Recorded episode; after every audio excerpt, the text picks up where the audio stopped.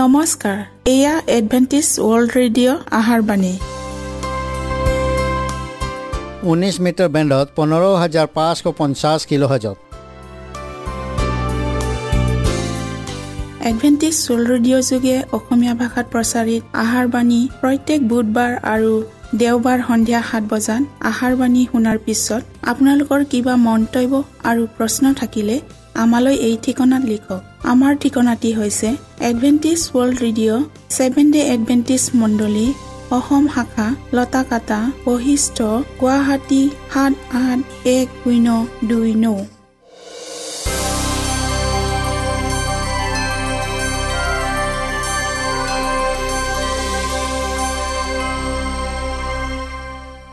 প্ৰিয় শ্ৰোতা বন্ধুসকল এতিয়া শুনো আহক এটি খ্ৰীষ্টীয় ধৰ্মীয় গীত।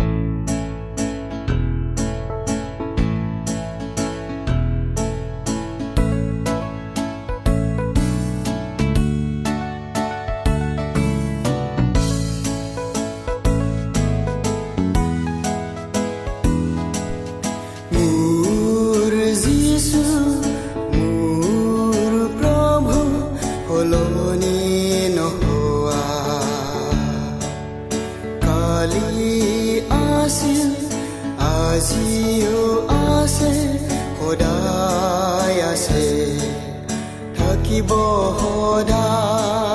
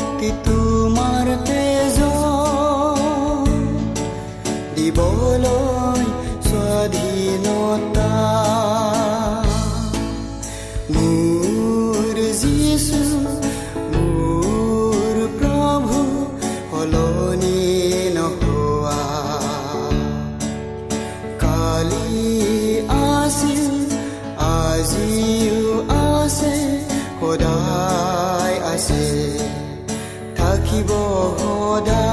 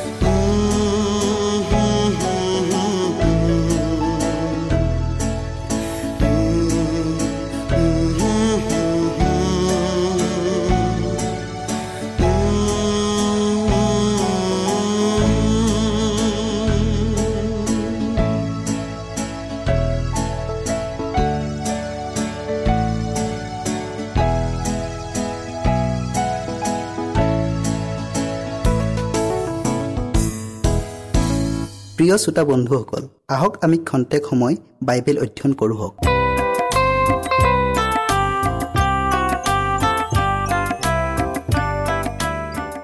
আমাৰ বিষয়টি হ'ল ছয়তানৰ কৌশলৰ প্ৰতি সতৰ্ক হোৱা। বাইবেল পতি লোৱা হৈছে প্ৰথম পিতৰ পাঁচ অধ্যায়ৰ আঠ আৰু নৌ পদ গুজৰি থকা সিংহৰ দৰে তোমালোকৰ শত্ৰু ছয়তানে কাক কেনেকৈ গ্ৰাস কৰিব পাৰিব তাৰ উপায় বিচাৰি ফুৰিছে। সেই একে দুখ ভোগ জগতত থকা তোমালোকৰ ভাই মাত্ৰতে সিদ্ধ হৈছে বুলি জানি তোমালোকে বিশ্বাসত দৃঢ় হৈ তাক প্ৰতিৰোধ কৰা। বিষয়টিৰ আগবঢ়াৰ আগত প্ৰাৰ্থনা কৰোঁ হওক। স্বৰ্গত থকা ত্ৰাণকৰ্তা প্ৰেমময় ঈশ্বৰ জেহুৱা। ধন্যবাদ প্ৰভু আকৌ আমাক এই সুন্দৰ সময় দিয়াৰ বাবে। প্ৰভু দিনে দিনে যেনেকৈ আমি এই বাইবেল অধ্যয়নৰ যোগেদি তোমাক চৰণত আগবাঢ়ি আহিব পাৰিম তেনে তুমি আমাক আশীৰ্বাদ দান কৰা। প্ৰত্যেক শ্ৰোতাৰ লগতো পবিত্ৰ আত্মাৰ যোগেদি তেওঁলোকৰ হৃদয় স্পৰ্শ কৰি দিয়া। প্ৰভু যীশুখ্ৰীষ্টৰ নামত আমেন। প্ৰতিজন ব্যক্তিয়ে সদায় সতৰ্ক হোৱা উচিত। আপোনাৰ পথত আপোনাৰ শত্ৰুজন সদায় থিয় হৈ আছে। সদায় সতৰ্ক হোৱা। পৰিশ্ৰমেৰে পৰ দি থাকা অন্যথা আপোনাৰ অসাৱধানতাৰ আৰু অসতৰ্কতাৰ সুযোগ লৈ আপোনাক ফাণ্ডত পেলাব আৰু আপোনাক বিপদত পেলাব। অসাৱধানতা আৰু অসতৰ্কতাৰে চলা সকল সাৱধান আৰু সজাগ হওক কিয়নো প্ৰভুৰ দিন চোৰৰ দৰে আহিব। বহুতে নম্ৰতা আৰু বিনয়ী পথৰ পৰা আঁতৰি আহিব আৰু কৃষ্টৰ যুৱলীক একাষৰীয়াকৈ ৰাখিব আৰু এক অজান অচিনাকি পথত চলিব। অন্ধ হৈ পথ ভ্ৰষ্ট হ'ব।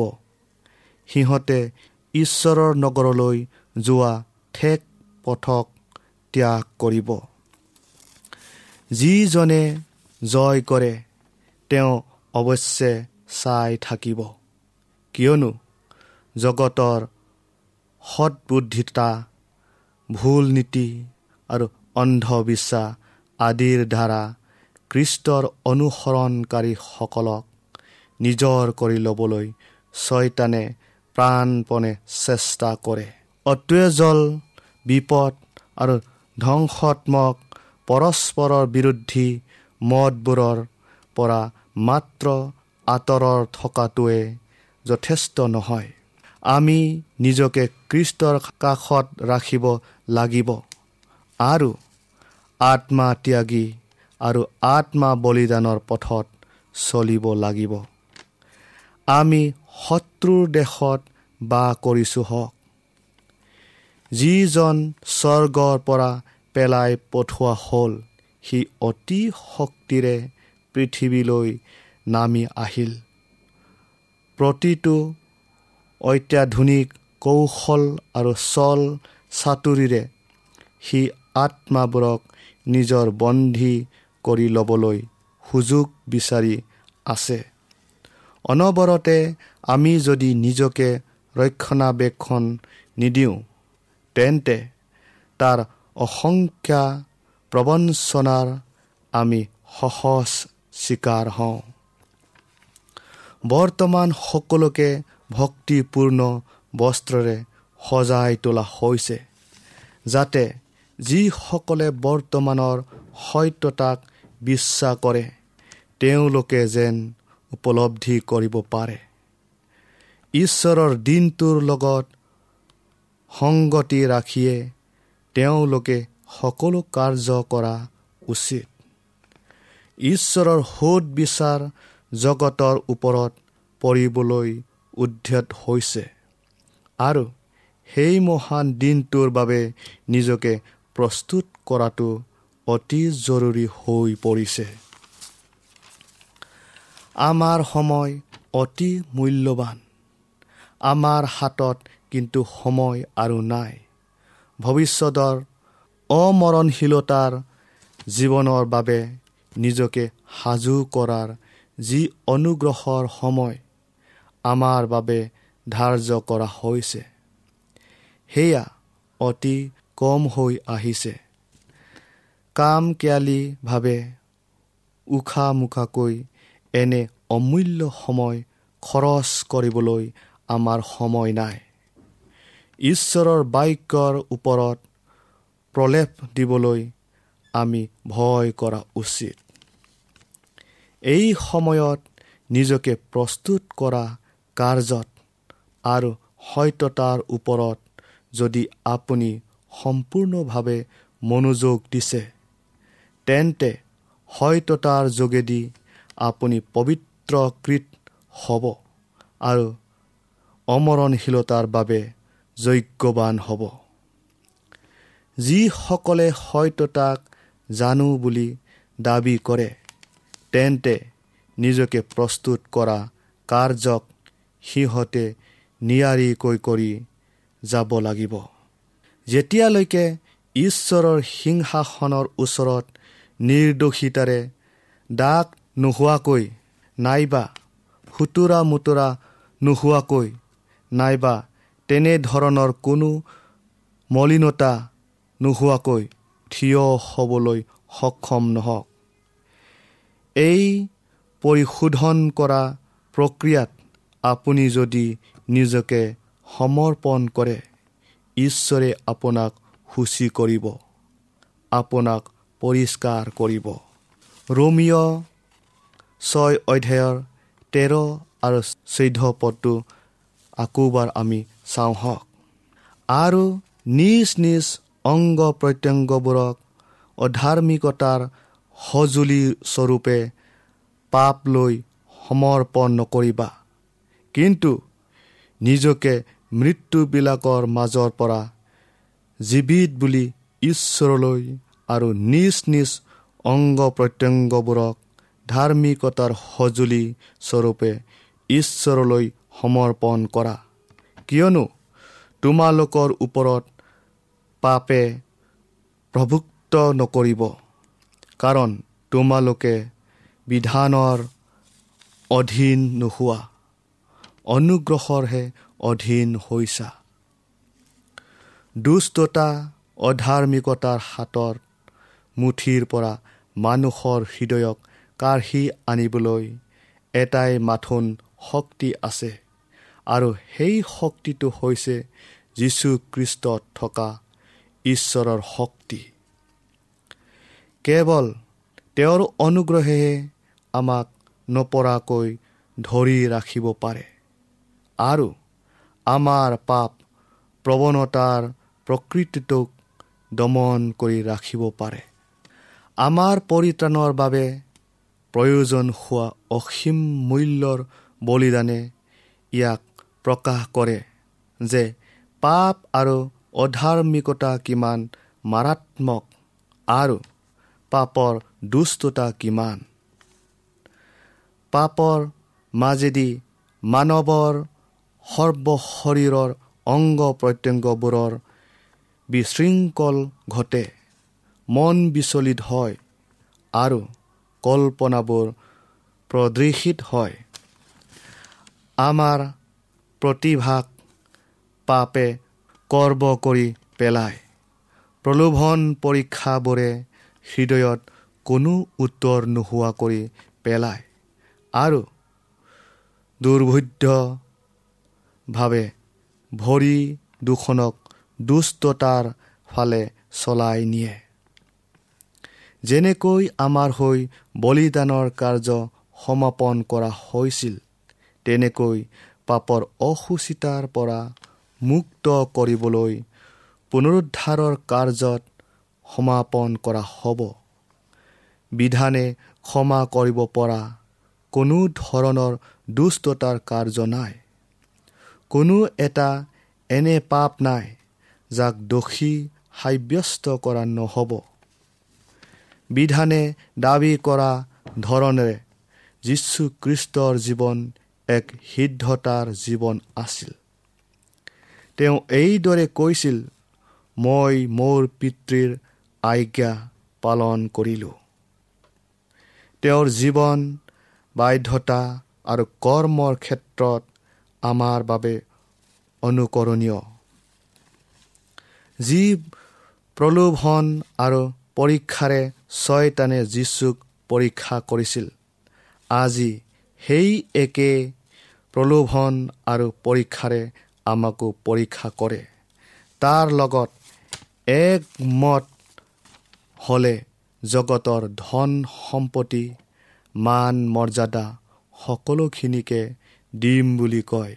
কিন্তু যিজনে যিচুলৈ চাই থাকে যিজনাক তেওঁ নিজৰ বিশ্বাসৰ আদি আৰু অন্ত বুলি বিশ্বাস কৰে তেওঁৰ ওপৰত ছয়তানৰ প্ৰলোভনৰ শক্তিৰ কোনো প্ৰভাৱ নপৰে।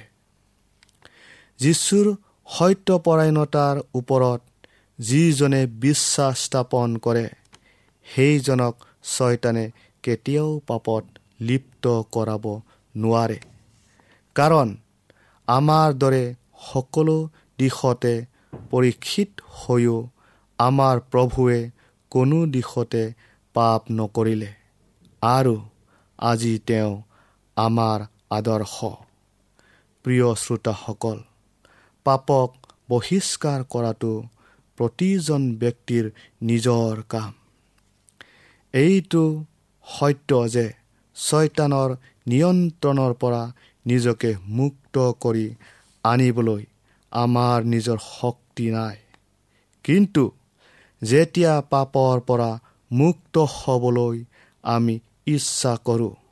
আৰু ইয়াৰ বাবে শক্তি পাবলৈ যেতিয়া আটা পাৰোঁ তেতিয়া পবিত্ৰ আত্মাই ঐশ্বৰিক শক্তিৰে আমাৰ জীৱন উপচাই পেলায় আৰু এই শক্তিয়ে ঈশ্বৰৰ ইচ্ছাৰ দৰে কাম কৰি ছয়তানৰ কবলৰ পৰা আমাক মুক্ত কৰে।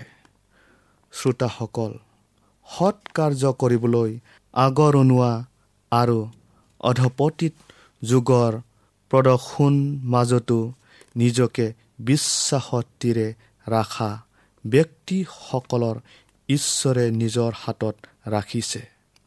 এনেকুৱা কিছুমান মানুহ ওলাব যিসকলে ঐশ্বৰিক শক্তিক দৃঢ়তা ধৰি সকলো প্ৰলোভন আৰু পৰীক্ষাৰ বিপক্ষে থিয় হৈ নিজকে প্ৰমাণিত লোক বুলি পৰিচয় দিবলৈ সমৰ্থ হ'ব।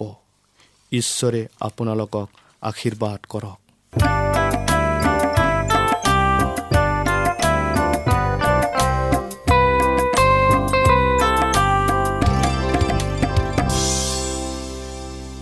ইমানপুৰে আমি বাইবেল অধ্যয়ন কৰিলোঁ। এতিয়া আকৌ শুনো আহক এটি খ্ৰীষ্টীয় ধৰ্মীয় গীত।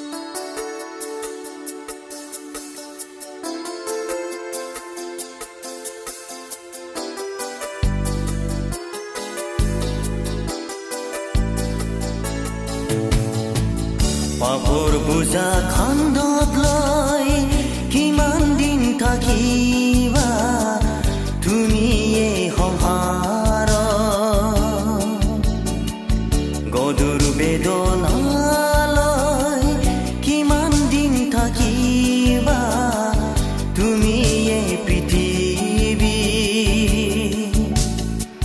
পাপৰ বুজাক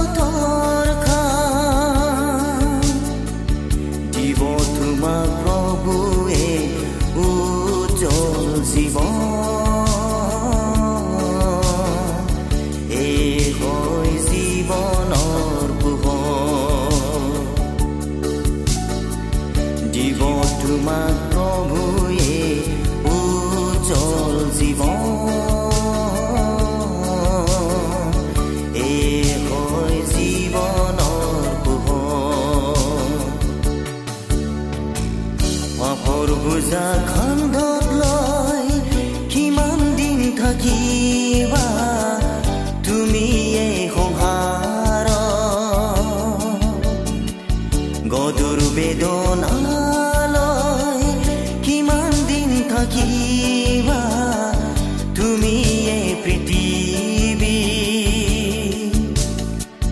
পাপৰ বুজা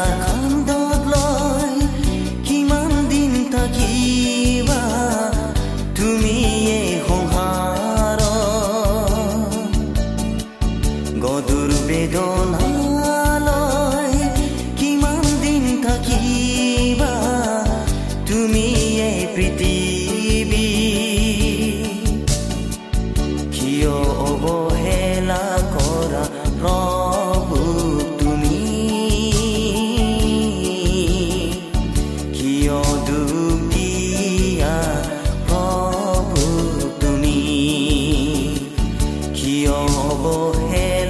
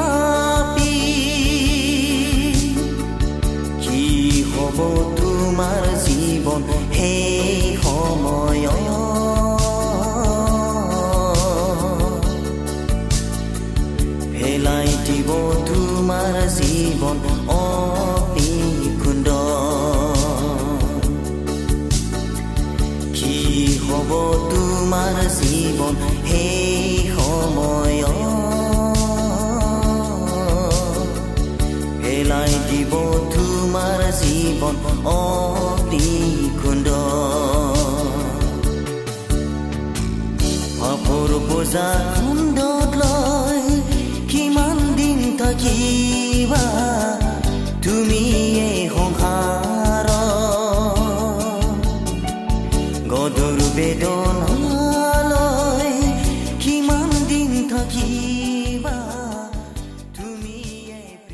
মনত ৰাখিব আমাৰ ঠিকনাটি পুনৰ কৈ দিছোঁ। Adventist World Radio' Assam region of seven day Adventist voice of hope Latakata Basistha Guwahati seven eight one zero' two nine প্ৰিয় শ্ৰোতা বন্ধুসকল এডভেণ্টিজ ৱৰ্ল্ড ৰেডিঅ' যোগে আহাৰবাণী প্ৰচাৰত আপোনালোকক পুনৰ লগ পোৱাৰ আহাৰে আজিলৈ সামৰিলোঁ। ধন্যবাদ।